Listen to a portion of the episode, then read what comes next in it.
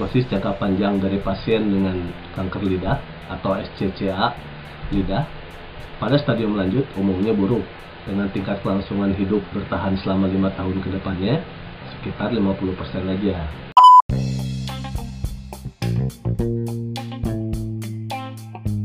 Halo, selamat datang di podcastnya Dokter Gigi Gaul. Pada episode kali ini, kita akan membahas mengenai kanker lidah. Kenapa kanker lidah? Karena menurut beberapa jurnal di ncbi.nlm.nin.gov menyebutkan bahwa kanker lidah adalah keganasan dari keganasan kepala dan leher yang paling sering ditemui di rongga mulut.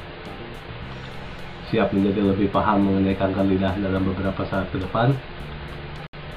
Keganasan rongga mulut nggak termasuk kanker kulit dan melanoma ya, adalah karsinoma kepala dan leher yang paling umum ditemui.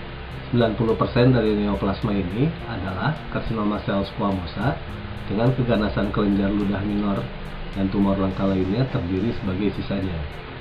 Nah, lidah bersama dengan bibir dan dasar mulut merupakan salah satu subsitus atau lokasi yang paling sering terlibat dalam rongga mulut. Kanker lidah dibagi menjadi dua tipe. Yang pertama adalah kanker lidah yang mengenai 2 per 3 anterior lidah dan kanker lidah yang mengenai sepertiga posterior lidah. Meskipun hal ini masih menjadi perdebatan, sebab beberapa peneliti menggolongkan sepertiga posterior dari lidah masuk ke dalam orofaring sehingga tidak bisa digolongkan sebagai kanker lidah melainkan sebagai kanker orofaring atau kanker orofaringeal. Juga, meskipun secara histologis sepertiga posterior lidah yang terkena kanker itu mirip gambarannya dengan karsinoma lidah oral di 2 per 3 anterior lidah, keganasan dasar lidah tersebut memiliki implikasi tertentu yang membuatnya menjadi entitas penyakit yang berbeda dalam hal pengobatan, prognosis, dan tindak lanjut.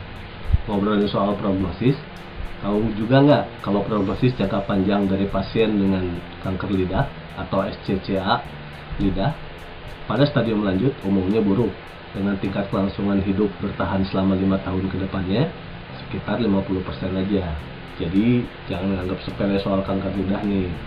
Kemudian, yang selanjutnya perlu diketahui bahwa kanker lidah memerlukan pemeriksaan penunjang untuk mengkarakterisasi dan menentukan stadium penyakit serta menilai hubungan tumor dengan struktur sekitarnya. Untuk tata laksana, ini disesuaikan dengan individu pasien. Secara umum, terdiri dari pembedahan dengan kombinasi kemoradiasi, kemoterapi, dan radiasi untuk mencegah kekambuhan penyakit lokoregional serta mempertahankan atau memulihkan fungsionalitas dari lidah itu sendiri. Sekarang kita akan membahas mengenai etiologi. Ada dua faktor risiko independen yang paling penting untuk perkembangan SCCA atau squamous cell carcinoma di lidah, yaitu merokok berat dan penggunaan alkohol. Asap rokok mengandung karsinogen yang diketahui terutama nitrosamin dan juga hidrokarbon polisiklik yang dianggap bertanggung jawab dalam proses pembentukan kanker lidah. Sedangkan alkohol di metabolisme menjadi asetaldehida yang mempengaruhi perbaikan DNA atau DNA repair.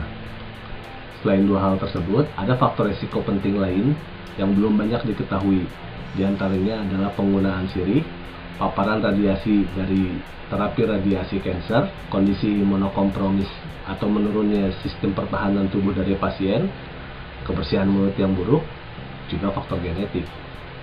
Infeksi human papilloma virus atau HPV atau HPV juga diketahui berperan dalam kanker lidah. Baru-baru ini, karsinoma pangkal lidah terkait HPV telah dikaitkan dengan peningkatan respon terhadap terapi dan peningkatan kelangsungan hidup bila dibandingkan dengan pasien-pasien yang negatif HPV. Kembali ke faktor resiko awal, yaitu merokok dan konsumsi alkohol. Karena dua hal tersebut umumnya dinominasi oleh laki-laki, makanya secara epidemiologi, karsinoma lidah lebih sering terjadi pada laki-laki dibandingkan pada perempuan. Jadi kalau kamu laki-laki, kemudian kamu merokok dan juga minum alkohol, dari sekarang kamu lebih baik waspada. Tapi bukan berarti kalau kamu perempuan atau kamu masih muda dan nggak mempunyai kebiasaan-kebiasaan tersebut seperti merokok dan minum alkohol, bukan berarti kamu sepenuhnya aman ya. Sebab seperti yang juga sudah dibahas sebelumnya, selain merokok dan minum alkohol, ada juga keterlibatan human papilloma virus yang nggak mengenal kelamin dan nggak mengenal usia. HPV bisa menyebabkan kanker lidah pada wanita dan juga kelompok dewasa muda dibandingkan alkohol dan merokok yang sering mengenai laki-laki tua atau dewasa. Untuk pemeriksaan, hal yang paling menyulitkan dari pemeriksaan kanker lidah sebenarnya adalah kanker lidah pada stadium awal tuh umumnya nggak menimbulkan keluhan. Jadi kadang sulit membedakan kanker lidah pada stadium awal dengan stomatitis pada lidah atau ulcerasi pada lidah. Atau mungkin bahasa awamnya sariawan ya.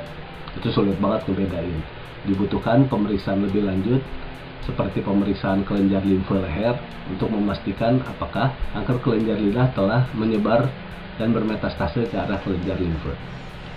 Jadi kalau misalnya kamu ketemu pasien dengan kecurigaan ke arah kanker lidah, tanyakan dulu apakah pasien memiliki faktor resiko seperti merokok dan minum alkohol dan apabila diperlukan lakukan pemeriksaan cara menyeluruh dari palpasi di lidahnya. Apakah ada indurasi di sekitar lesi lidah yang dicurigai sebagai kanker lidah?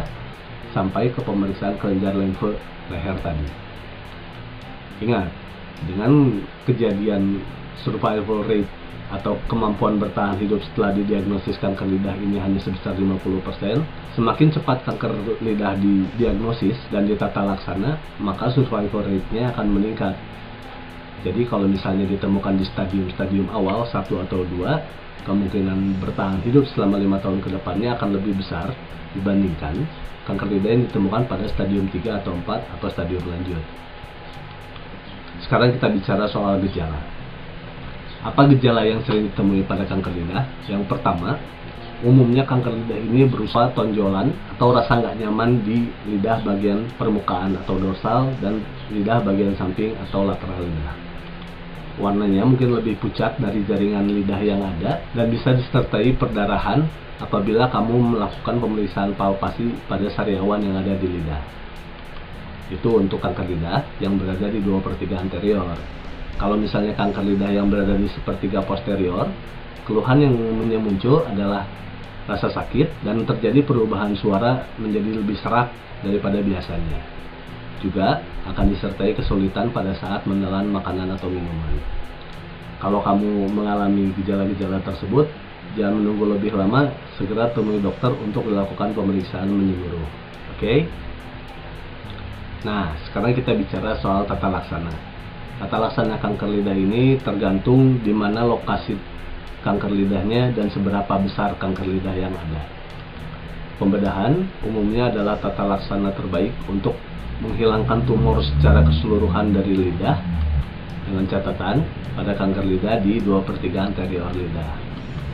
Sedangkan untuk kanker lidah yang terjadi pada sepertiga posterior lidah, biasanya terapi radiasi atau kemoterapi adalah terapi yang disarankan untuk tata laksana kanker lidah tersebut. Pada beberapa kasus kanker lidah yang telah lanjut, terapi yang digunakan adalah terapi kombinasi antara pembedahan dengan kemo atau pembedahan dengan radiasi atau pembedahan dengan kemoradiasi. Karena adanya tindakan pembedahan atau pengangkatan sebagian jaringan lidah, umumnya pasien-pasien kanker lidah ini memerlukan terapi lanjutan seperti terapi bicara terapi pergerakan lidah, terapi menelan, dan juga terapi untuk mengunyah dengan kondisi lidah terbaru setelah dilakukannya terapi pembedahan. Terdengar mengerikan? Memang, makanya lebih baik kita mencegah. Gimana caranya mencegah kanker lidah? Gampang banget. Yang pertama, pastikan kamu tidak melakukan hal-hal resiko dari penyebab kanker lidah seperti merokok atau minum alkohol. Juga lakukan pembersihan kesehatan gigi dan mulut secara baik, mulai dari menyikat gigi menggunakan alat bantu seperti benang gigi atau obat kumur. Juga cek rutin berkala ke dokter gigi setiap 4-6 bulan. Selain itu, kamu juga bisa melakukan vaksinasi terhadap HPV dan hindari oral seks karena HPV bisa menular melalui aktivitas oral seks tersebut. Masih ada yang belum jelas atau ingin ditanyakan? Jangan ragu menghubungi lewat direct message sosial media favorit kamu. Oke? Okay? See you later then. Bye.